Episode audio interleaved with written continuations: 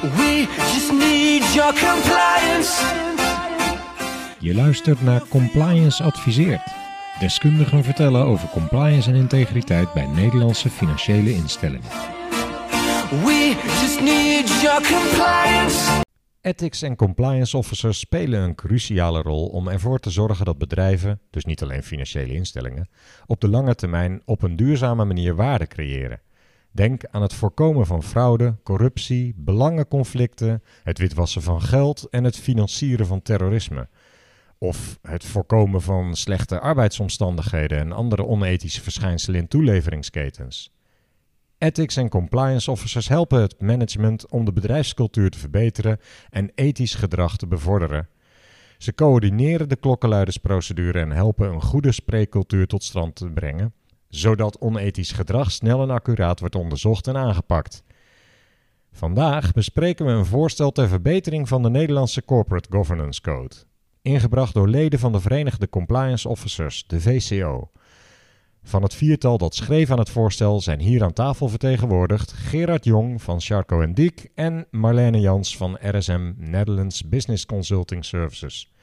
Marlene kennen we nog van de podcast van Compliance Adviseert over het nieuwe Three Lines Model. Ongeveer een jaar geleden gepubliceerd. We keken net, het was begin maart 2021. Zoek hem even op, een luistertip. Frans Demmers en Geert Vermeulen schreven ook aan het voorstel, maar konden er vandaag helaas niet bij zijn. Welkom Marlene en Gerard. Fijn dat jullie een bijdrage willen leveren aan deze podcast. Dankjewel dat wij Dank. hier konden zijn. Dank voor de uitnodiging. Dames eerst, wil je je even kort voorstellen en iets vertellen over je professionele achtergrond, Marlene? Ja, dankjewel Erik. Ik vind het erg leuk om hier weer een bijdrage te mogen leveren. Laat ik daar vooral mee beginnen. Nou, Marlene Jans, al eh, meer dan 25 jaar in het vak. En eh, origine eh, opge opgeleid in de hoek van ondernemingsrecht en corporate governance. En corporate governance heeft echt altijd wel mijn passie gehad. In combinatie met gedrag en cultuur. Daar vertel ik zo meteen iets meer over. Ik leid het team wat ehm, eh, adviseert op het gebied van corporate governance en culture bij RSM, zoals je vertelde. En eh, dat doen wij ook in een eh, multidisciplinaire setting. En wij, ik ben daarnaast ben ik ook oprichter van de VCO Kennistafel Gedrag en Cultuur. Ondertussen al zes jaar bijna, binnenkort. En ehm, nou, dat heeft eigenlijk ook wel eh, gezorgd voor veel meer visie en inzicht op het belang van gedrag en cultuur voor de compliance functie en voor organisaties als totaal. Ja, want dat is een erg actieve vereniging ook met eh, heel veel eh, bruikbare documentatie en zo voor compliance professionals. De VCO die is inderdaad eh, eh, mooi aan de weg in het timmeren, is mooi aan het groeien. Misschien kunnen we daar inderdaad zo meteen ook even bij stilstaan. Ik ben ook benieuwd hoe Gerard kijkt naar de VCO bijvoorbeeld. maar dat gaan we zo meteen doen, dat vind ik prima. Nou, daarnaast... ehm, ben ik ook docent. Ik eh, doseer regelmatig over corporate governance, eh, onder andere bij het Nederlands Compliance Instituut. Maar ik verzorg ook trainingen bijvoorbeeld in Frankfurt, eh, Frankfurt School of Finance and Management. Ik train regelmatig commissarissen op het gebied van de corporate governance en ook in relatie tot compliance en thema's als gedrag en cultuur. Daarvoor verzorg ik regelmatig masterclasses, maar je merkt ook dat commissarissen regelmatig zoeken naar achtergrondinformatie. Wat kan ik nou halen bij de compliance officer of wat, eh, welke informatie valt daar te verkrijgen? Ik spreek regelmatig eh, op allerlei congressen en ik ben actief binnen de Nederlandse beroepsorganisatie van accountants. En daar eh, verzorg ik met een team eh, de compliance community events.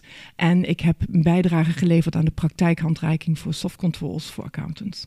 Ik ben zeer vereerd jou in de podcast te hebben over dit onderwerp vandaag, Marlene. niet doen, dat is niet nodig. De andere zeer ervaren en senior eh, pre- spreker hier vandaag is Gerard Jong eh, van Charco Diek. Kun jij iets Ja. over die achtergrond vertellen? Ja, Erik, ook eh, bedankt voor het feit dat we hier vandaag mogen zijn om dit, over dit belangrijke onderwerp te spreken. Iets over mijn professionele achtergrond. Ik ben sinds eh, 1 mei 2020 eh, werkzaam als consultant bij Shark Diek. En Shark Diek adviseert met name financiële ondernemingen, maar dat kunnen ook andere organisaties zijn over compliance, risk management en legal. Uh, mijn focusgebieden daar zijn uh, uh, duurzaamheidsrapportage, ook een belangrijk onderwerp. ESG. ESG. Uh, geschillenbeslechting, hè, dus partijen die ruzie hebben of dreigen te krijgen met de toezichthouder, die we daarin zo goed mogelijk proberen bij te staan. En ik ben ja, naast lid van de VCO ook lid van IIA Nederland, dus ik pendel een beetje tussen tweede en derde lijn. dus internal audit, ook werkzaamheden voor klanten, assurance, dat is ook iets wat ik bij Sharko en Dick doe. Uh, daarnaast, ik ben jurist van huis uit. Ik heb met de AFM gewerkt uh, als jurist. Uh, ik heb gewerkt bij Flow Traders, een beursgenoteerde onderneming, als compliance officer en als internal auditor. En nu dus als, als consultant. Deed je dat toen gecombineerd of na elkaar? Na elkaar. ja, ja. He, dus die, die, die switch had te maken met de beursgang in 2015. Dus, dus toen stapte ik over van tweede lijn naar derde lijn. En ja, eh, nu dus uh, als consultant verder. We hebben ook een opleidingstak waar ik docent voor ben. Dus ik geef les over compliance aan compliance officers. En ik geef ook les aan compliance aan internal auditors. En dat doe ik op de Amsterdam Business School voor de postdoctorale EMEA-opleiding. En uh, ja, ik vind het zelf heel mooi om die twee uh, werkstromen te combineren. Zodat ik ook wat kan opsteken van mensen die in de praktijk elders goede dingen doen. Nou, als dus, jullie achtergronden zo hoor, heel bijzonder dat jullie tijd hebben kunnen maken ook hiervoor. Dat heeft ook wel een reden. We, we mikken natuurlijk nu op luisteraars in de financiële sector, maar de Corporate Governance Code gaat eigenlijk breder. Hè? Maar voordat we daar verder op ingaan, jullie kennen elkaar van de Vereniging Compliance Officers, de VCO. Wat, wat doet de VCO precies? Ja, de VCO is, is denk ik kort gezegd, hè, Vereniging van Compliance Professionals. Uh, van en voor compliance officers. Ik geloof dat we op dit moment uh, zo om en bij de 400 uh, leden hebben. Uh, heel actief. Ook heel actief met kennis verspreiden, kennis delen via kennistafels. Ik geloof dat Marlene dat net al memoreerde. Ik ben zelf ja. lid van de kennistafel ESG. Oh ja. Ook een heel belangrijk thema, ook in het kader van de, het herzieningsvoorstel van de Corporate Governance Code. Daar kunnen we straks nog iets nader op, op ingaan. Uh, dus er wordt veel georganiseerd. We proberen ook vraagbaar te zijn voor collega's. We proberen dat zo praktisch mogelijk te houden. We proberen ook mensen van buitenaf, outside in, uh, iets te laten vertellen over waar ze tegenaan lopen, wat, wat er goed gaat en wat er beter kan. dus, dus in, in dat opzicht een heel praktisch georiënteerde belangenorganisatie, Nederlandse belangenorganisatie voor compliance. Wat moet je zijn of doen om lid te worden van de VCO? Nou, je, je, de meeste mensen zijn compliance officer. Maar dat is niet nodig. Ik ben het zelf niet. Ik ben consultant. Dat geldt natuurlijk ook voor Marlene. Er zijn, wat dat betreft gelden er niet hele strikte eisen aan de poort. Je zou bijna kunnen zeggen, iedereen die beroepsmatig geïnteresseerd is in en bemoeienis heeft met dit, uh, dit mooie onderwerp, die is uh, van harte welkom. Mm. Uh, ja, en wat je moet doen is je contributie betalen natuurlijk. Het is een ja. vereniging, zo ja, simpel. dat is wel een belemmering meestal. nou, dat valt heel, heel, heel oh, erg mee. Geen hoge, ja. heel hoge drempel volgens nee, mij. Nee, nee, maar inderdaad, kennisontwikkeling, kennisdeling staat eigenlijk wel voorop. En eigenlijk wat ik zelf ook wel een belangrijk thema vind, um, en daar zou ik ook wel een voorstander van zijn, is om ook als um, VCO um, uh, actief uh, deel te nemen aan het gesprek over compliance in de maatschappij. Hmm. En om daar ook te zorgen dat er, um, als er wordt gesproken over compliance officers, dan wil ik ook graag mee aan tafel zitten als ja, ik even ook, een kans ook krijg. Belangenbehartiging Absoluut. van... Ja, absoluut. Ja. Oké. Okay. Wat houdt de Corporate Governance Code, waar we het vandaag over gaan hebben, nou eigenlijk precies in? Wie mag ik daarover het woord geven? Marlene eerst? Nou, um, de Corporate Governance Code, ik wil even een stap terug maken naar de historie. En dat heeft te maken met een, uh, um, de commissie Peters. Die is um, eind jaren negentig gestart. professor Peters die constateerde destijds dat de Nederlandse multinationals eigenlijk als minder betrouwbaar werden ervaren door buitenlandse investeerders. En in die tijd werd geconstateerd, wij dienen te aan te tonen dat wij betrouwbaar zijn, dat wij een goede investering zijn, zodat wij ook op die manier verder kunnen floreren, ook wereldwijd. Was er in het buitenland dan wel al iets ingevoerd wat hen betrouwbaarder maakte? Die, die beweging die begon, maar dat werd eigenlijk wereldwijd, kwam de beweging rond het gebruik van codes, kwam toen een beetje op gang. Ja. En uh, professor Peters die constateerde ook dat bij de grote partijen, zoals ook Shell bijvoorbeeld, dat er echt werd gediscussieerd over de vraag hoe, eh, van buitenlandse investeerders uitgezien, hoe kunnen wij zeker weten dat ons geld bij jullie goed wordt belegd? En ehm, toen ontstond de behoefte om een uh, aanvulling te doen op de wet en regelgeving die eigenlijk al gold. Namelijk om uit te leggen hoe passen wij die wet en regelgeving toe. En um, daar is eigenlijk toen door professor Peters gezegd van nou het zou goed zijn als wij daar een code voor ontwikkelen. Uh, daar is uiteindelijk de Corporate Governance Code ontstaan. Daar zijn toen de 40 aanbevelingen van Peters geschreven. En dat was eigenlijk de voorloper van de Corporate Governance Code. Maar begrijp ik nou goed dat het motief dus eigenlijk niet echt was om ethisch gedrag te bevorderen, maar om investeerders naar Nederland te krijgen? Oorspronkelijk ja, maar waarom? Um, dat was een van de aanleidingen. En aan de andere kant merkten ze ook: wat heb jij nodig om een betrouwbare multinational, een betrouwbaar bedrijf te zijn? Dat dien jij ook je, eigenlijk je bedrijfsvoering integer neer te zetten en goed, goed uh, uh, ook te laten zien wat je aan het doen bent. Ja, het gaat gewoon hand in hand eigenlijk. Het is, het is geen tegenstrijdigheid. Nee, nee. nee precies. Ja, en, er, zit, er zit ook een evolutie in, hè? Ja. Want als je kijkt naar de zeg maar het allereerste begin uh, Code Tabaksblad. Hè, dus uh, eind uh, 2003. in werkingtreding 2004. Hè, daar is het eigenlijk allemaal mee begonnen. En het is interessant als je kijkt op de website van de monitoringcommissie. Hè, van wat, ja, wat, is, wat is die code, wat behelst die code precies. Nou, dat, heb ik, dat heb ik nog maar even gedaan gisteren als voorbereiding op, op dit gesprek. Nou, regelt de verhouding tussen bestuur, RVC en AVA biedt een handvat. En, en algemene... algemene vergadering van aandeelhouders. Ja, uh, okay. Biedt een handvat voor inrichting van de governance. En last but not least vormt ook een inspiratiebron voor anderen. Uh, is in de praktijk ook zo. Dus gericht op beursgenoteerde ondernemingen in Nederland. Maar de, de, de groep die zich daardoor uh, geïnspireerd voelt en daar ook mee aan de slag gaat. Belangrijk voorbeeld wat mij betreft mijn oude werkgever, de AFM. die dat ook op die manier doet. Dus er is een soort olievlek. En ik ja, het denk, zat al in het, in het concept ingebakken eigenlijk om een voorbeeld te zijn. Nou, ook ik, ik denk dat het, wat, wat nu heel duidelijk zichtbaar is, is dat er sprake is van een evolutie in die zin dat het in eerste instantie wat meer intern gericht is. Hoe zijn de verhoudingen hier intern hè, tussen, tussen bestuur, raad van commissarissen en de aandeelhouders en hoe, hoe willen we hier met elkaar omgaan? Terwijl uh, je zou kunnen zeggen, de, de, de oorspronkelijke code is inmiddels volwassen geworden. We zijn 18 jaar verder. Hè, um, ja, want er is in de loop der tijd nog meer is, aan veranderd. Er is he, inderdaad wat Marlene aangaf, commissie Peters, daarna commissie Vrijns. Hè, dus die evolutie is al gaande. Wijzigingen in tabaksblad. Tweede, tabaksblad natuurlijk uh, als, als, als ja. aanjager destijds. Hè, dus we zijn al een paar iteraties, een uh, paar versies verder. Dus je ziet ook zeg maar, die maatschappelijke ontwikkeling daarin gereflecteerd. En wat je ook steeds meer ziet... Uh, ik zeg altijd ook, ook tegen mijn studenten: compliance is voldoen aan verwachtingen. Uh, en de verwachtingen, de maatschappelijke verwachtingen van organisaties.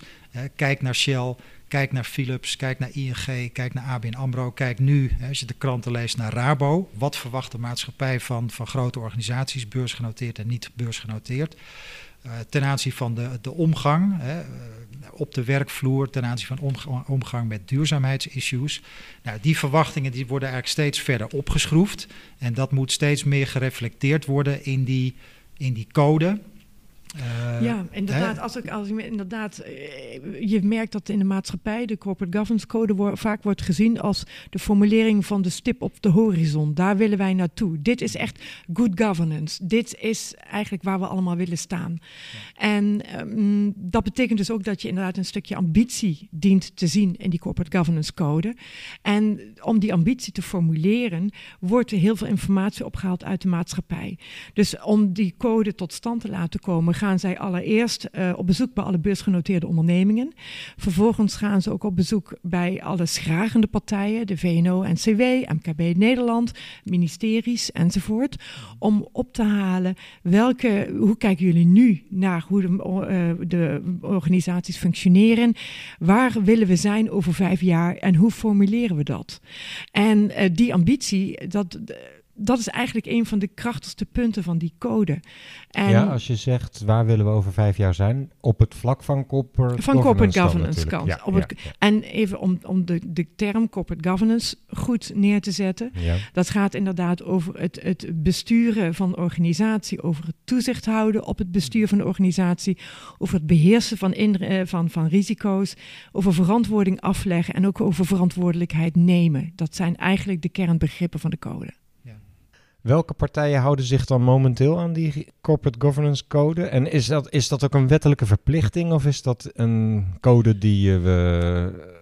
Nou, dat is een goed Hoe punt. Want de, de code is inderdaad, heeft een, een, een ankerpuntje in het eh, boek 2BW. Waar inderdaad wordt gesteld dat beursgenoteerde ondernemingen verplicht zijn ook om, om zich te houden aan eventuele aanvullende regelgeving. En dan wordt via de bocht wordt eigenlijk een verwijzing gemaakt ook naar de Corporate Governance Code. Dat is één punt.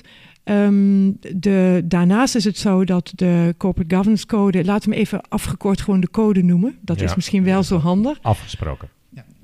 Dat de code ook ehm, heel veel wordt gehanteerd door andere ondernemingen. En terecht dat Gerard dat al heel even uitlegde.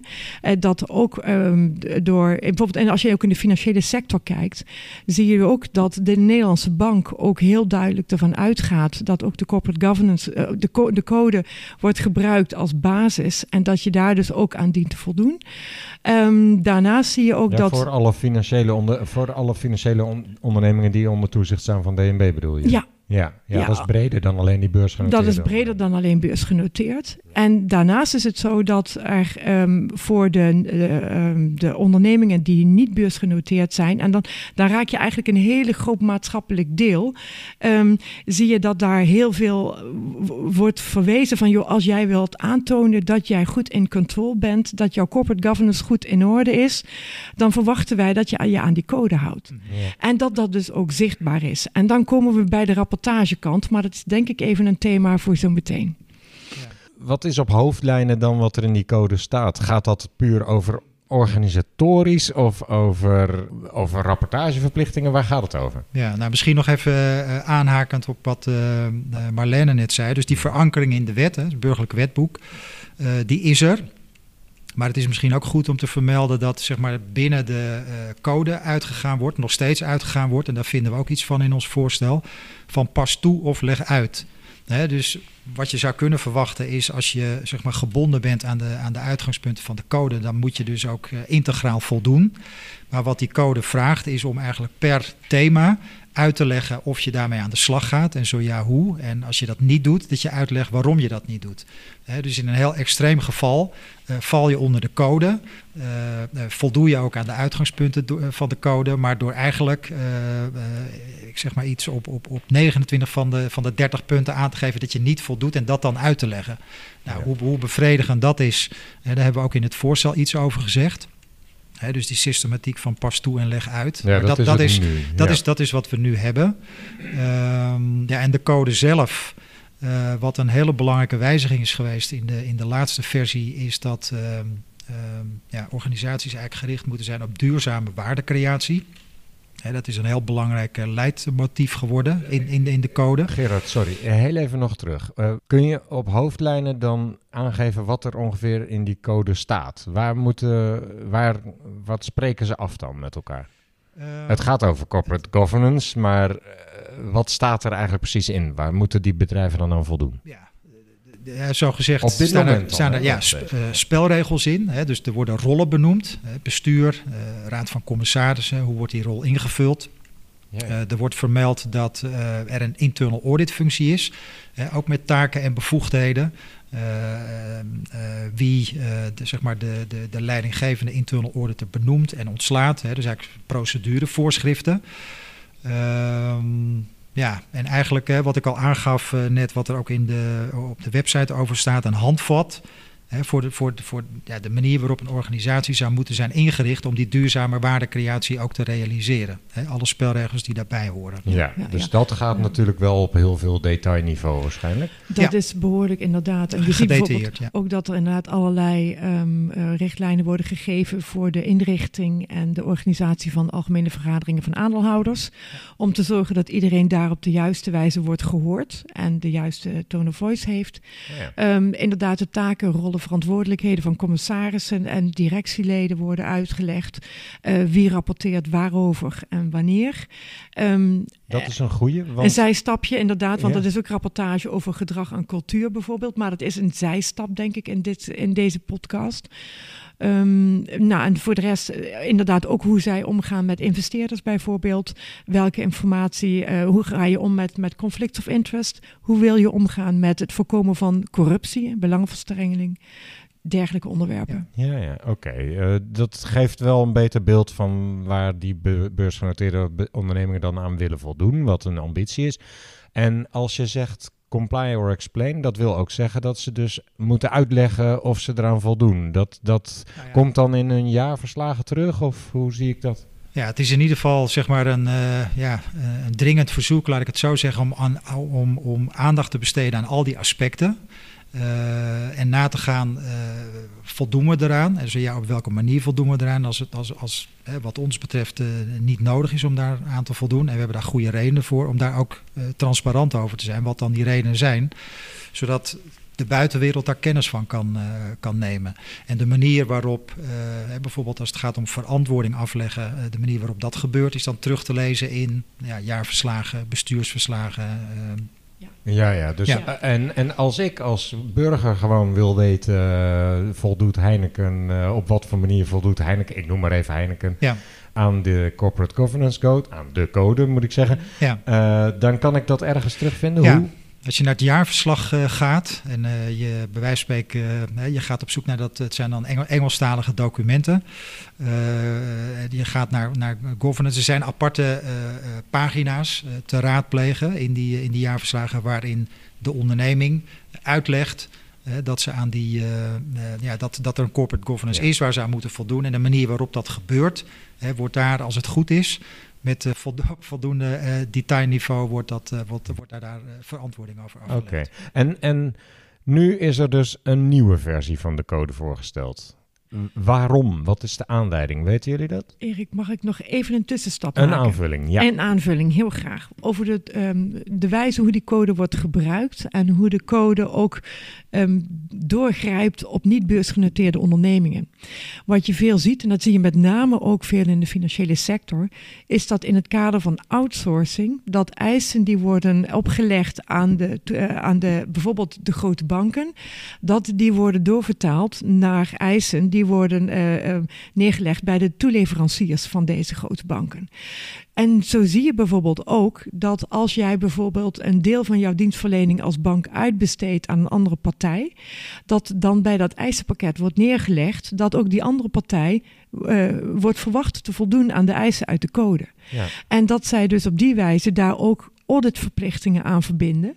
Om te zorgen dat zij ook zelf in, eh, in het kader van de outsourcing van de bedrijfskolom, zeg maar, dat ze ook kunnen aantonen, wij voldoen daaraan. En dat niet alleen, maar onze toeleveranciers voldoen daar ook aan. Ja, en, en wat is je punt daarmee? Dat, eh, dat, Dat- het eigenlijk ook een eh, verbredend effect heeft. En zo zie je dus ook dat de vlekwerking enorm eh, is en dat eigenlijk de impact van de code veel groter is dan dat men ook mogelijk in eerste instantie had voorzien. Ja, ja. Ja. nou ja, dat is wel. eh, en moeten die partijen die uitbesteden ook publiek uitleggen of ze aan die corporate governance code of alleen aan de partij waarvoor ze dan werken nou, rapporteren? Nou, eh, onderdeel van de code is dat als jij zegt je voldoet aan de code, dat je dan ook daarover rapporteert, ook op de website. Ja, ja. En ehm, dan ligt het dus ook volledig in de lijn der verwachting dat dit dezelfde principe ook wordt toegepast voor bijvoorbeeld een toeleverancier van een grote bank. ja.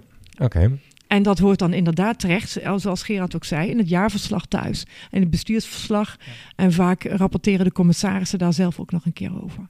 Maar is dat niet ook uh, drempelverhogend voor toeleveranciers van grotere ondernemingen? Je moet dus al best wel een grote partij zijn om daar ook over allemaal te kunnen gaan rapporteren. En om dat met bestuur en weet ik veel allemaal dat allemaal zo in te gaan richten. Is dat een belemmering of ervaren jullie dat niet zo? Daar ben ik het niet helemaal mee eens. Aan de ene kant ja, het is een kwaliteitsstempel. Het dwingt je om ook na te denken over je eigen inrichting.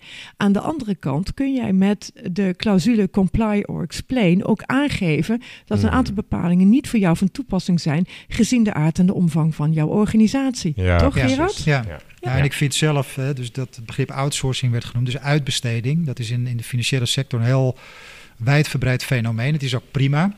De toezichthouders vinden er ook prima wet en regelgeving voorziet er ook in. Maar het is dan logisch dat als je als, als je, je blijft de eindverantwoordelijkheid uh, dragen, uiteraard als uitbestedende uh, organisatie. Dus het is logisch dat je zeg maar, aan de ketenpartners die je dan daarvoor inschakelt, eigenlijk die verplichtingen die op jou rusten vanuit die code, doorgeeft. Omdat er anders bescherming natuurlijk weglekt. Dus het is, het is, ik denk dat het een hele goede en belangrijke component is van die, van die, van die uitbestedingsmogelijkheid. Dat dan eigenlijk die verplichtingen gewoon mee verhuizen. En als je zegt als uh, dienstverlener, ja, dat, dat past me niet zo, of daar voel ik me niet helemaal lang bij, of dat kan ik, me niet waar, dat kan ik niet waarmaken, ja, dan, dan zul je daar uh, dat gesprek over moeten aangaan. En anders uh, krijg je dat er gewoon bijgeleverd. Begrijpelijk. Ja. Nu hebben we het in deze podcast over een nieuwe vorm of een nieuwe voorstel. Hoe zit dat proces precies? Wie gaat er nu een nieuwe schrijven? En jullie hebben daar dan een reactie op gegeven, geloof ik, zoiets? Ja, ja, uh, ja hoe, hoe, begon dat? Uh, uiteindelijk is het dus uh, gelukt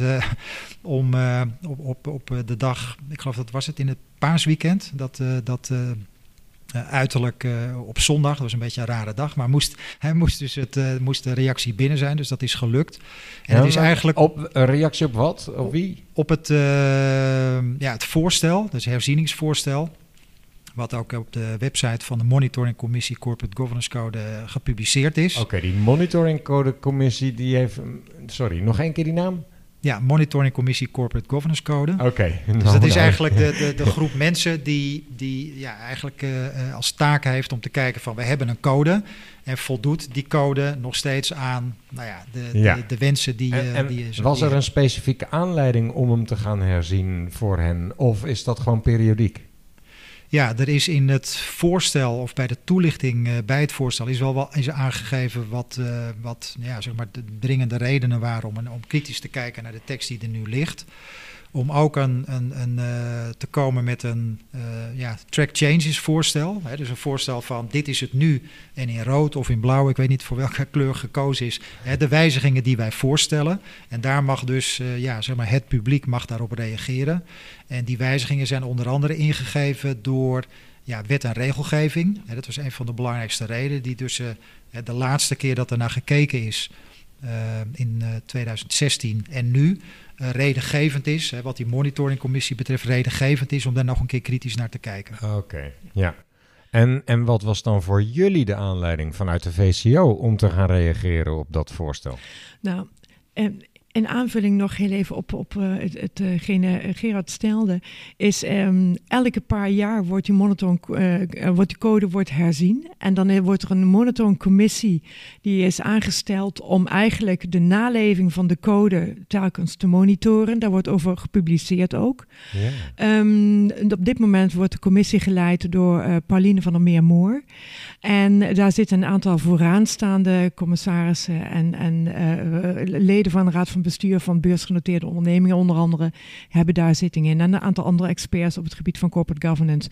Jaap van Manen is bijvoorbeeld in het verleden ook een hele bekende geweest in dit, eh, op dit terrein. Belangrijke aanvulling, dankjewel. Ja, ja. en um, nou, wat je voor de rest ziet is dat dus één keer in de zoveel jaar wordt bewust in gekeken van we moeten die code herzien. Als jij nogmaals dat ambitieniveau hebt van wij willen die stip aan die horizon zijn, dan gaat iedereen natuurlijk naar die stip toewerken als het goed is. En dan hoop je natuurlijk dat je op een gegeven moment een nieuwe stip kunt gaan definiëren. Dat gebeurt dus met die, Ja, ja. die herziening. ja, dus er zit ook wel iets periodieks in, maar er was ook een concrete aanleiding. Inder- paar inderdaad, en inderdaad de concrete aanleiding terecht, wat Gerard opmerkte, is inderdaad ver- verandering van wet en regelgeving. Een veel zwaardere component rond duurzame waardecreatie en Ja. ESG-ontwikkelingen. En eh, je ziet ook duidelijk dat eh, mensen ook zeiden van, van ja, we hebben wel weer behoefte aan een nieuwe code die ons weer de goede richting op kan sturen. Ja. Duidelijk. En misschien in, in aanvulling daarop, ik vind het, los van wat wij daar hebben, eh, van hebben gevonden, eh, die tekst en ook zeg maar, de achterliggende reden om met die, met die, met die eh, voorgestelde tekst te komen, echt wel reflecteren eh, dat het steeds meer een document is waarin maatschappelijke verwachtingen worden gereflecteerd. Dus niet zozeer hoe, hoe, eh, wat zijn de, spelregels intern, maar wat verwacht de maatschappij van ondernemingen zoals de onze, dus belangrijke ondernemingen die een beursnotering hebben. Uh, hoe gaan zij om met uh, gedrag op de werkvloer? Hoe gaan ze om met duurzaamheidsissues? Hoe leggen ze daar verantwoording over af? wat zijn hun strategische doelen? Dus het gaat er eigenlijk steeds meer naartoe niet van hoe willen we zelf intern geregeld zijn, maar hoe willen we uh, ja, hoe, hoe, luiden onze spelers ook gelet op onze positie in de maatschappij en de Ja. verwachtingen die de maatschappij Ja. van ons heeft. Nou, eigenlijk heel positief dus. Ja, zeker. Ja, ja. Ja. En, Ja. en wat was nou de aanleiding voor de VCO om een reactie op dit voorstel te gaan schrijven? Wat de laatste keer dat er naar gekeken is, een belangrijke reden was, is om de internal audit functie uh, een plek te geven in de code. En in die kennistafel uh, ja, was dus de constatering, er ligt een nieuw concept uh, voorstel ter consultatie. Uh, het is nog steeds zo dat in, die, in dat voorstel met geen woord wordt gerept over nut en noodzaak van de compliance functie. die een plek te geven in de code, is dat eigenlijk niet raar. Het was in 2016 uh, verstandig om die internal audit functie daar een plek in te geven. Dus die derde lijn wordt daar genoemd. Uh, maar die tweede lijn, de, compliance functie, wordt daar niet in genoemd. Is dat niet gek? Zou dat niet anders moeten? En toen was dus de conclusie van we gaan uh, een pleidooi houden voor opname van de compliance functie in de code. Dus niet reageren op iets wat voorgesteld wordt om te veranderen, maar te reageren op iets wat bij die uh, aanpassing uh, niet is genoemd. Eigenlijk Ja. een, te voorzien in een, in een lacune. Althans, wat ons betreft is daar sprake van. Dat is de kern van jullie reactie. Onze podcast van maart 2021 ging over het freelance model, eh, Marlene. Ehm, kun je nog kort voor eh, mensen die alleen deze podcast luisteren toelichten dat freelance model dan? Want eh, voor ons klinkt het misschien logisch dat die tweede lijn dan ontbreekt, maar waarom hang, wa- wat hang, hoe hangt dat samen met elkaar, die three? Nou, als je, als je praat over de three lines, dan heb je al- allereerst in de eerste lijn, daar zit je business, daar zit de contact eigenlijk met, met je, je klanten. ehm, daar zit ook je ehm, overal eh, management, je, je algemene directie. En dat, daar zit ook de eindverantwoordelijkheid feitelijk voor, het alle, voor de bedrijfsvoering. In de tweede lijn zit je risk management en je compliance. En zij houden toezicht op het beheersen van de risico's. Waarbij je eigenlijk kijkt naar de compliance afdeling. Nou, die kennen wij natuurlijk als geen ander. Dus de beheersing van alle risico's rond eh, het eh, niet naleven van eh, wet en regelgeving.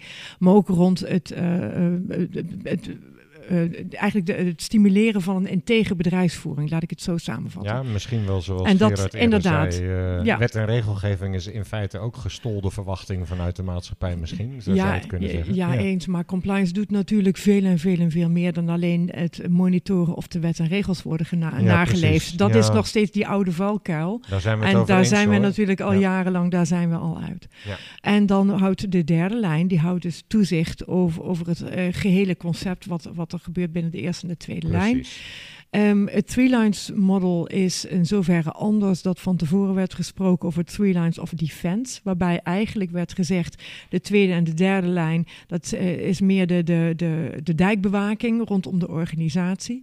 Dat is een ehm, verouderd concept, ook omdat je daardoor kon merken dat er een soort ehm, ehm, eh, kolomvorming ontstond, waarbij mensen ook probeerden van nou, dit hoort niet bij mij, dat gaat door naar de tweede lijn of omgekeerd. Eh, je kreeg op een gegeven moment een focus om vooral je eigen bureau schoon te houden en wat er voor de rest gebeurde, dat ja, daar had je minder zicht op en daar was je minder mee bezig. En dat wilde doorbreken. Dat kwam ook naar voren, zoals jij vooraf, eh, voor de podcast vertelde, uit de feitenrelatie bijvoorbeeld. Hè? Kun je daar iets over toelichten? Toelichten, feitenrelazen, wat dat zijn en wat daar dan in naar voren kwam? Ja, nou, ik, ik uh, zeg maar als algemeen uitgangspunt, dat hou ik ook de studenten voor, ehm, dat uh, ja, als compliance officer of meer in zijn algemeenheid kun je het meeste leren van wat er bij een ander mis is gegaan. En hele uh, ja, illustratieve voorbeelden, helaas moet je zeggen, zijn die zaken waarin in eerste instantie aan ING, daarna aan ABN AMRO astronomisch hoge boetes zijn opgelegd wegens het geruime tijd niet uh, adequaat naleven van uh, witwaswetgeving in Nederland. Uh, veel om te doen. Overigens nu ook weer veel te doen om Rabobank, die daar ook een behoorlijke scheve schaats schijnt te hebben gereden. Ja, en, en wat staat daar, daar mis dan in dat Three Lines model dan? Nou, eigenlijk nogmaals, advies aan iedere compliance officer om minimaal één keer in de maand naar die feitenrelazen te kijken, hè, als, als, als, als leerpunt. Maar wat daar een heel belangrijke constatering in was, dat beide banken werkten hè, op dat moment nog met een three lines of defense model. Hè, dus inmiddels spreken we over three lines. Maar dat uh, helaas ja, moest worden geconstateerd dat, door het Openbaar Ministerie dat, de werking van dat three lines model hè, uh, in de praktijk hopeloos had gefaald. En dan was het bij ABN AMRO, hè, dat vond ik niet, maar dat blijkt dus uit die uh, feitenrelatie van het Openbaar Ministerie, dat bij uh, ABN AMRO op zich het functioneren van de tweede en, en de derde lijn adequaat was. Ze hebben meerdere keren uh, aandacht gevraagd voor wat er niet goed ging en aangegeven van dat moet verbeteren, want dat maakt ons kwetsbaar. maar dat werd niet niet opgepakt. Dat was eigenlijk de conclusie. Dat heeft veel te lang geduurd. Althans, niet, heeft er niet voor gezorgd dat die poortwachtersrol uiteindelijk werd vervuld zoals dat uh, verwacht wordt. Uh, bij ING was het zo dat die tweede en die derde lijn ook een veeg uit de pan kregen. Uh, maar zo te zeggen, eigenlijk de tekortkomingen deels te wijten waren aan het niet goed functioneren van die tweede en derde lijn. Ja, en, en, er nu, is, en nu zeggen jullie dat moet eigenlijk in de code ook goed geborgd zijn. Op wat voor manier dan? Nou ja, we hebben natuurlijk ook eerst dus geconstateerd van daar wordt in dit voorstel niet in voorzien. Hè, dus dat, ja, dat noemen we dan een lacune. Hè, dus er wordt op dat punt geen voorstel gedaan. Ja. Dus toen hebben we gedacht het zou verstandig zijn uh, uh, voor, de, voor, voor, de commissieleden om daar toch serieus over na te denken. En toen hebben we ook gezegd van we gaan dat pleidooi houden. Waarbij we ook ja, een tekstvoorstel maken van, ja, stel nou dat, dat, dat uh, de, de monitoringcommissie uh, zegt, nou dat is inderdaad een goed pleidooi, daar, daar gaan we iets mee doen.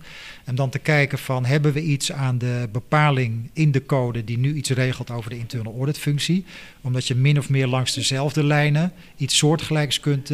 Dus wat ik jullie eigenlijk hoor zeggen is, die Free Lines model, dat zou mooi zijn als dat ook in die corporate governance code wordt gebruikt. Nou, misschien niet per se het three lines model, want het is ook wel een, een concept van uh, zeg maar de, de, de uh, internal auditors, uh, belangenorganisatie. Maar wat wel belangrijk is, is om de partijen die die, zo gezegd, die die rol vervullen, dus derde lijnsrollen en tweede lijnsrollen, om die goed te borgen in de code. En je kunt dus vaststellen dat dat nu voor de derde lijnsfunctie gebeurd is. Uitstekend, heel goed om te doen. Uh, maar dat dat voor de tweede lijnsfunctie, die net zo uh, belangrijk is. Er is eigenlijk een soort disbalans nu in de code. er is iets hersteld of iets goeds meegedaan in 2016. Maar er ontbreekt nog steeds iets in waardoor je het beter in balans zou, zou ja, want brengen. internal audit kijkt doorgaans ook naar hoe doet de tweede lijn het. Maar als die er niet is, dan, dan kan je daar niks over zeggen in die corporate governance ja. code. Wat, wat is nou precies uh, want dit is denk ik al de kern van het voorstel. Breng ook uh, compliance als belangrijke voorwaarde in de Corporate Governance Code. Maar kun je daar iets meer over vertellen? Op wat voor manier zou dat moeten worden ingevoegd in die Corporate Governance Code? Ja, wat, wat, wat denk ik dat dat is althans onderdeel van ons voorstel van hoe zou je dat dan moeten inkleden. Nou, dan kun je bijvoorbeeld kijken naar de bepaling uit de code die die internal audit functie regelt. En veel van wat op dit moment, uh, denk ik, uh, goed genoeg wordt geregeld voor die internal audit functie, uh, kun je gebruiken om een bepaling toe te voegen. En dat min of meer langs dezelfde lijnen ook op die manier te regelen voor de compliance functie. En ik denk wat je daarmee ook doet, en dat is ook een belangrijke constatering, dat die compliance functie is al bij veel, zo niet alle beursgenoteerde uh, ondernemingen actief. Zeker hè, bij de ING's en ABN AMRO's van deze wereld. Uh, sterker nog, die hebben daar enorm in, in, geïnvesteerd de laatste jaren. Dus die, die legitimeer je eigenlijk op die manier ook. Uh, maar ook bij, bij, bij ondernemingen die bijvoorbeeld niet met, met een toezichthouder als AFM of DNB te maken hebben, die hebben ook compliance functies. En die, die zien zich dus nu eigenlijk niet ja, gekend, omdat die code daar met geen woord over rept. En, en dat kun je op die manier denk ik ook uh, herstellen, ja. zou je moeten herstellen. Ja. En, en komt dat ook naar voren als wens vanuit andere uh, invalshoeken? Niet alleen van de VCO, want dat klinkt misschien een beetje als spreken voor eigen kerk. Nou, dat maar... vind ik nou mooi dat je dat vraagt, Erik. Want wij uh, hebben ook natuurlijk gepolst in de omgeving en, en, en bij andere belangenorganisaties. Van joh, hoe kijken jullie nou aan tegen de opbouw van de code? Ontbreekt er iets? En ook daar wordt gesignaleerd, zeker als je nu denkt aan, aan um, uh, misstanden, ongewenst gedrag, klokkenluidersbescherming. Daar is nu een enorme maatschappelijke discussie over ontstaan. Um, daar, dat dient ook op de een of andere wijze een klein uh, ankerpuntje te krijgen, zal ik maar zeggen, in de code. En daar kan ook de compliance professional een hele belangrijke rol spelen. Als je die melding van misstanden, dergelijke zaken, als je dat niet op de juiste wijze regelt, dan ontbreekt er iets. Een ander punt is aandacht voor het bestrijden van corruptie. Het zichtbaar maken, bestrijden van corruptie. Dat zijn belangrijke punten die je, waar je ook een compliance professional een zware rol in heeft. Um, voordat we verder doorgaan op de compliance professional in de code, wil ik ook nog even een, naar een, een, ho een hoger niveau, namelijk ja. comply or explain of comply and explain. Ja, want dat is ook een onderdeel van jullie reactie. Wij hebben een heel stevig pleidooi geschreven voor het, uh, de transitie naar comply and explain. Wij merken dat de code door verschillende ondernemingen verschillend wordt uitgelegd. En vervolgens constateren zij dan zelf, wij voldoen aan de code. De vraag is, hoe voldoen je aan die code? En hoe kunnen wij zien dat jij ook echt aan die code voldoet? Bedoel je met comply and explain dan niet? Dus je bedoelt daarmee niet ook kleinere ondernemingen zouden moeten complyen zonder te hoeven explainen? Want je hebt eerder gezegd, je kan het uitleggen dat je nog te klein bent. Ja, dat, dat blijft zo of moet dat anders? Nee, nee, nee, nee, nee dat, dat, dat blijft wat mij betreft okay. zo. Wat, hoe, zou hoe kunnen, je hem dan? wat zou kunnen veranderen is dat je zegt van ik voldoe aan de code en wel op deze en deze Juist. wijze. Ja. En dan krijg je punt 1 veel minder window dressing. Je kunt veel duidelijker zien hoe die code nu echt wordt geïnterpreteerd en geïmplementeerd door organisaties. En je krijgt daardoor veel meer gevoel over de kwaliteit waarmee dit gebeurt. En ik denk dat dit heel waardevol is. En ik, wij zijn niet de enige die daarvoor pleiten. Wij ja. weten dat er ook andere partijen zijn, zoals de NBA bijvoorbeeld, die oh, ook stellen. NBA? En Nederlandse beroepsorganisatie van accountants. Dankjewel. Yes. Okay. Um, dat ook daar wordt gesteld, wij merken dat daar meer behoefte is aan een duidelijkere uitleg hoe wij voldoen aan de code. Dus ik wilde voordat wij doorgaan over de andere punten, wilde ik dit. Dit is een belangrijk onderdeel Dankjewel van de maatschappelijke discussie. Ja, die MBA is dan denk ik ook wel een hele belangrijke partij hierin. Want Zeker zij zijn vaak degene die juist die rapportages opstellen, denk ik, namens de onderneming. Uh, of zie ik dat verkeerd? Nou of ja, daar in ieder geval bij betrokken zijn? De, de accountant dient erop toe te zien dat, Dat de rapportage wordt opgesteld en dat die goed is een onderdeel van de controle en uh, in het kader van de jaarrekening. En overigens, en dat is een, een, een uh, observatie van mijn, punt, van mijn hoek, het is verrassend dat de NBA geen positie heeft in de monitoringcommissie. Want je zou daar wel verwachten dat zij daar ook een minimale stem in hebben. Um, dus dat uh, soort activiteiten, uh, ja, dat is goed om daar meer Ja. aandacht aan te besteden. Goed, dus we hebben de rol van de compliance professional in de Corporate Governance Code en comply and explain. Ja. Waren er nog andere reacties die we moeten bespreken? Uh, nou, je ziet dat, er, uh, dat wij dus inderdaad verder aanhaken bij uh, de, de verantwoordelijkheden voor cultuur, bijvoorbeeld. Um, dat is een principe 2.5 wordt aangegeven dat het bestuur verantwoordelijk is. En dan ga ik even zoeken naar de juiste tekst. Het, um, dat het bestuur voor de vennootschap en de met haar verbonden over onderneming samen met relevante geledingen van de organisatie waarden vaststelt die bijdragen aan een integere bedrijfsvoering. Laat Dat ik het even zo samenvatten. Dat, Dat staat er. is dat- jullie voorstel. Nee, nee, dat staat er wel in. Maar de vraag is: hou je het simpel bij het vaststellen van waarden die bijdragen aan een tegen, een tegen bedrijfsvoering? Want dan laat je het mes in het varken steken. Want eh, vaststellen van waarden, heel leuk. Maar dan, wat doe je daarmee? Ja. Ja. Ga je dan ook eh, eh, eh, toezien op de uitvoering? Ga je actief zorgen voor invoering en voor naleving van die waarden? Dat zij ook onderdeel worden van de dagelijkse activiteiten. Je zou bijna verwachten dat de Raad van Commissarissen daar dan ook wel op gaat toezien. Dat staat wel in de code, maar de vraag is hoe doen ze dat concreet? Je wilt voorkomen dat dit een theoretische exercitie wordt. En dat er alleen wordt gezegd van nou, we hebben prachtige codes ge- geïnstalleerd en ge- gedragscode geïmplementeerd. Ja. We hebben dat mooi met trainingen hebben we dat onderbouwd. Nou, mooi, we hebben ons werk gedaan. Ja, dan is het eh, En- onvoldoende nog. En dan is het inderdaad onvoldoende. Het is belangrijk dat dergelijke activiteiten goed worden gedragen, dat dat goed wordt ge- ge- geïns- geïmplementeerd, dat daar ook op de juiste wijze, eh, dat dat zichtbaar is, dat ook de bestuur daarin een goed voorbeeld neemt.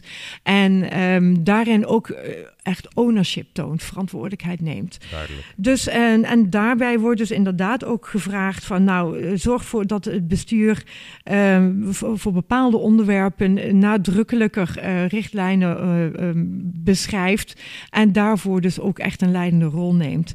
En we hebben naar ge- gekeken naar onderwerpen zoals wat maatschappelijk gezien als betamelijk wordt geacht en wat ook van de vennootschap wordt verwacht. Ehm, de omstandigheden waaronder medewerkers hun moeten doen. Dan raak je ook weer de S van ESG. Eh, kijk naar het gedrag van het middenmanagement. Hè. Vaak is het niet alleen de toon uit de top, maar ook de toon in het middenmanagement, die middenlaag, is Absoluut. Cruciaal relevant. voor het succes van een organisatie. Ja. En kijk ook naar de omgang. Ook dat komt voor, naar voren in die feiten. Ja, vaak. ja. inderdaad, inderdaad. En ook inderdaad hoe met misstanden, incidenten wordt omgegaan. En hoe inderdaad eh, aandacht wordt besteed aan het bestrijden en het voorkomen van corruptie en belangenverstrengeling. Kijk, Dus dat zijn er een aantal nog een aantal concrete eh, punten. Ja, ja. we hebben wel. eh, ik- behoorlijk wat eh, punten nog. Ja. Nou, wij vragen wel concreet aandacht voor een aantal punten die wij van groot belang vinden.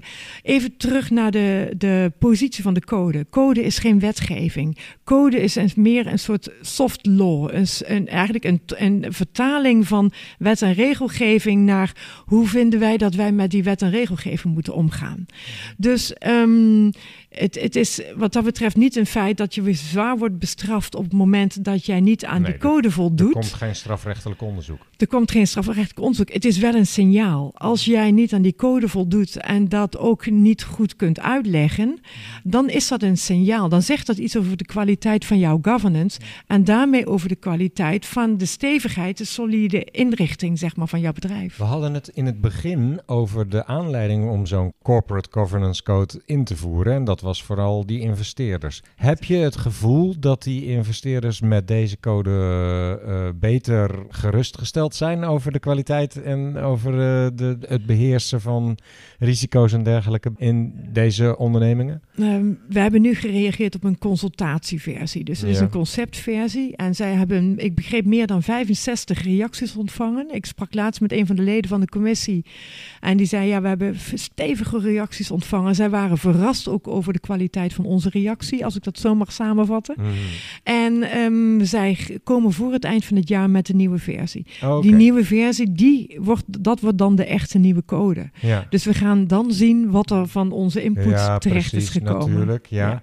Maar de investeren, dat, de- die corporate governance code, die, die heeft al wel, is er merkbaar dat die investeerders hier vertrouwen in hebben? Nou, ehm, Kijken ze daar sterk naar? Ja, ze nee? kijken daar sterk naar. Ik weet dat ook voor analisten bijvoorbeeld, die verslagen over de naleving van de code, dat die belangrijk zijn. Die worden zeer zeker meegenomen in de oordeelsvorming over de betrouwbaarheid van een Ja. beursgenoteerd fonds. Maar dan is wettelijke druk misschien ook niet eens per se nodig, want ondernemers zullen waarschijnlijk zeer gemotiveerd zijn om aan die corporate governance code te voldoen.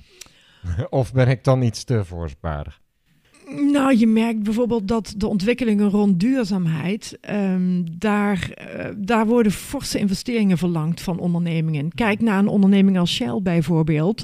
Ja. Daar, eh, die, zij moeten niet alleen forse investeringen doen, dat vergt een enorme mindset change. Eigenlijk moet je je onderneming opnieuw gaan uitvinden. Ja. En niet iedereen zit daarop te wachten. Nee. Aan de andere Ja. kant wordt nu de maatschappelijke druk wel groter, Gerard. Toch? Ja, nou ja, ik denk dat je, eh, als je al zou kunnen zeggen, en ik denk dat dat best een goed eh, vertrekpunt is, dat zeg maar, de, de oorspronkelijke versie vooral was om, de, om die investeerders vertrouwen te geven, dat dat een belangrijk aspect was. Maar, maar je gaat steeds meer toe naar die, die groep van stakeholders is, is groter dan alleen die investeerder. Hè. Dus we moeten niet alleen die investeerder comfort geven, maar moeten de hele ma- de maatschappij, hè, alle stakeholders, klanten, eh, toezichthouders, eh, ketenpartners. Dus die, die groep die je daar eigenlijk mee moet bedienen, zo gezegd, die is groter geworden. De verwachtingen zijn toegenomen. En dat vraagt, hè, wat ons betreft, een betere reflectie in de code dan, dan, dan op dit moment eh, gebeurt. Ja. Belangrijke aanvulling. We zullen toe moeten, helaas, ondanks dat er volgens mij nog best wel veel over te vertellen valt, naar een afronding van deze podcast. Eens, eh, hebben we de belangrijkste punten besproken zo? Dat lijkt mij wel. Ja, Het enige wat ik nog wel zou willen weten zijn eigenlijk drie dingen. Eén, wie, hoe gaat dat proces straks verder? Je zei over een jaar komt, verwacht je een eerste reactie of zo? Nee, ehm, ze gaan nu inderdaad alle reacties gaan ze verwerken. Dan wordt het gesprek gevoerd weer met de achterban. Dus ook de schragende partijen en de beursgenoteerde fondsen. Ministerie van Economische Zaken onder andere. En dan komen ze met een nieuwe versie en die wordt voor het eind van dit jaar gepubliceerd. het is, het is in aanvulling erop misschien ook goed om te vermelden dat er een document komt, ook beschikbaar komt, waarbij ook ehm, ja, zichtbaar wordt van waar hebben we niks mee gedaan. Een soort verantwoording wordt afgelegd van uiteindelijk hè, de optelsom van al die feedback levert het volgende voorstel op. En er zijn ook dingen voorgesteld waar we niet of nog niet, of maar ten dele. eh, hè, dus er wordt ook op die manier verantwoording afgelegd Ja. over dat hele proces. Dus jullie gaan met spanning kijken of dan het erin zit. En, maar dan komt er geen nieuwe ronde, dat wordt dan meteen al de nieuwe Ja. versie. Ja, oké. En ehm, mijn, dat was dan meteen al punt 1 van mijn drie die ik nog wilde stellen. We zijn nu bij twee. Welke ontwikkelingen verwachten jullie op de wat langere termijn nog op dit vlak? En mijn derde vraag zal dan nog zijn: hebben jullie nog een advies voor de luisteraar? Hè? Want dat is natuurlijk compliance adviseert. Ehm, Gerard, mag ik jou eerst vragen welke ontwikkelingen verwachten jullie nog op de wat langere termijn op het vlak van corporate governance? Nou, ik, ik denk in zijn algemeenheid dat het, het perspectief steeds meer zal verschuiven. Ook als je naar de code kijkt, maar meer ook in zijn algemeenheid van zeg maar, het niet-financiële, wat het oorspronkelijke werk van de accountant was.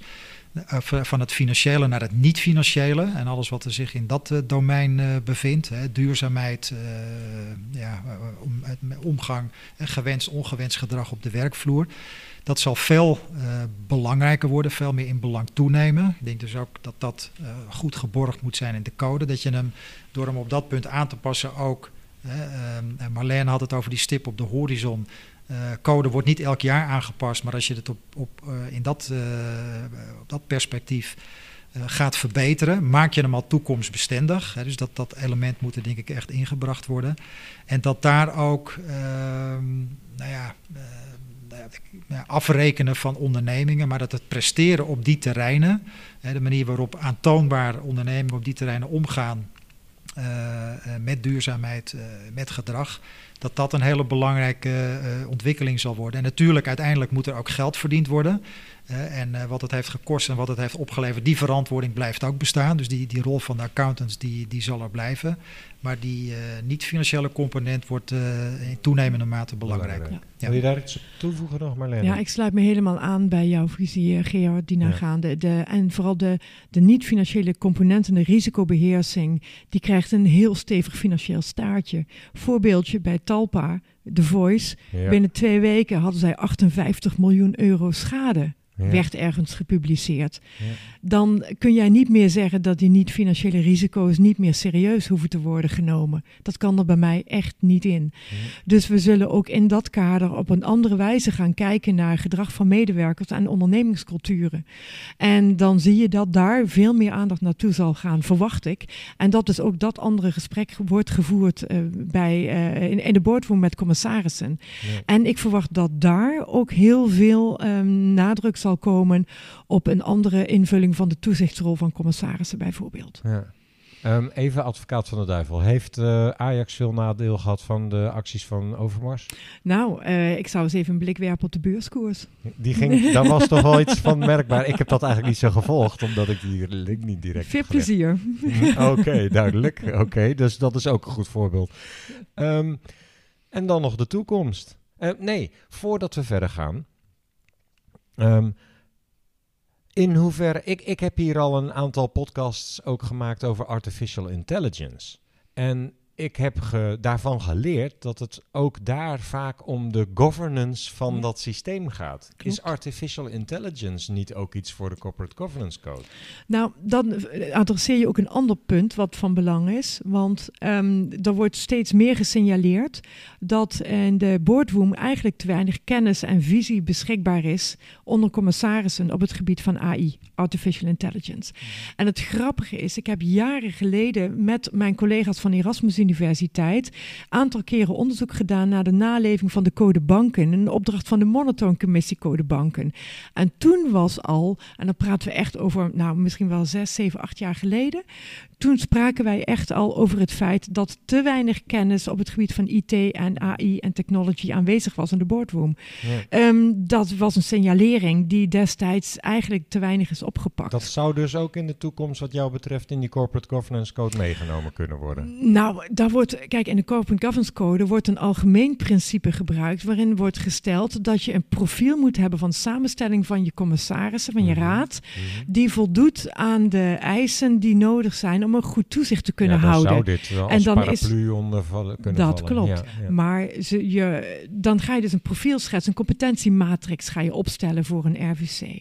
En dan zal de, dit een van de competenties zijn die natuurlijk daarin moet worden geadresseerd. Ja, maar in aanvulling daarop, dat geldt natuurlijk ook voor de compliance functie zelf. Ja. Compliance wordt steeds meer datagedreven compliance. En de vraag is ook heel eh, legitiem om je af te vragen, zijn mijn, is mijn compliance functie, zijn mijn compliance officers voldoende toegerust qua kennis, eh, eh, ja, tooling met name ook. Dat vergt soms ook een investering. Maar, maar kan die compliance functie ook toegroeien naar die datagedreven compliance functie die we nodig hebben? Omdat heel veel van voldoen aan wet en regelgeving met data, beschikbaarheid en kwaliteit van data te maken heeft. Maar kan, kan die compliance functionaris dat aan? Ja. Duidelijk. Mooi. De podcast staat nog een kort advies van jullie toe voor de luisteraar. Mag ik wederom met de dame in het gezelschap beginnen? Oké, prima. Ehm, ik be- integreer steeds meer de, ehm, de gedrags- en de cultuurkant in je werkzaamheden. Ik denk dat als je in staat bent om het gesprek over eh, gedrag en cultuur te voeren, dat je dan sneller komt naar het niveau van root cause assessment. Dus echt gaat onderzoeken naar wat de grondoorzaken zijn. En dan hoef je je minder bezig te houden met het voorkomen en repareren van eh, problemen, maar kun je veel meer helpen, eh, kun je veel meer helpen voorkomen. Ja, Dat dat zou bij Talpa misschien ook wel iets hebben geholpen. was Ja. een idee. En ehm, Gerard. Ja, nou, ik heb eh, maar even een quote die mij enorm aanspreekt, eh, zeg maar professioneel aanspreekt, eh, tevoorschijn gehaald van Tom Peters. Excellent firms don't believe in excellence, only in constant improvement and constant change. En dat vind ik een hele belangrijke, meer ook in, zeg maar, in zijn algemeenheid voor, voor organisaties, voor ondernemingen, maar ook voor de compliance functie die nooit stilstaat. Eh, ik geef het je ook maar te doen, zeg ik ook vaak eh, aan klanten. Er komt elke dag komt er nieuwe eh, wet, regelgeving, guidelines. Dat is, dat is massief. Dat is misschien bijna niet meer te doen. Dat zou je ook kunnen zeggen. Maar je moet in ieder geval de intentie hebben om dat te volgen, om dat op een goede manier een plek te geven binnen de organisatie. Eh, als uitgangspunt te nemen, niet eh, we moeten compliant zijn, maar we willen compliant zijn. Eh, dat gaat soms ook wel eens mis. Dat is ook niet erg. Dat vindt ook de toezichthouder niet erg. Maar die intentie, dat intentioneel willen voldoen aan die maatschappelijke verwachtingen, dat moet er zijn en dat moet ook goed geborgd zijn. Ja, en dan ben je eigenlijk al een heel eind opgeschoten. En dan, dan kom je waarschijnlijk ook daar waar je wezen wil. Het hoeft niet excellent te zijn. De perfect ten wordt ook niet van iedereen verwacht. Maar ik denk dat er nu te vaak en te veel eh onvoldoenders zijn. Ehm, ja, Ja. En, en dat, moet, eh, dat moet echt beter. Dank jullie wel, Marlene en Gerard. Interessant en ehm, ik wens jullie heel veel succes. Ik ben heel benieuwd wat er uit die eh, nieuwe Corporate Governance Code gaat komen, maar Ja. kan Wij bijna ook. niet missen. Compliance is veel te belangrijk om eruit te laten. Goed. Wij ook. Dankjewel voor dit Ja. fijne gesprek. Dank Erik. Compliance. We just need your compliance. Je luistert naar Compliance Adviseert. Deskundigen vertellen over compliance en integriteit bij Nederlandse financiële instellingen. We just need your compliance.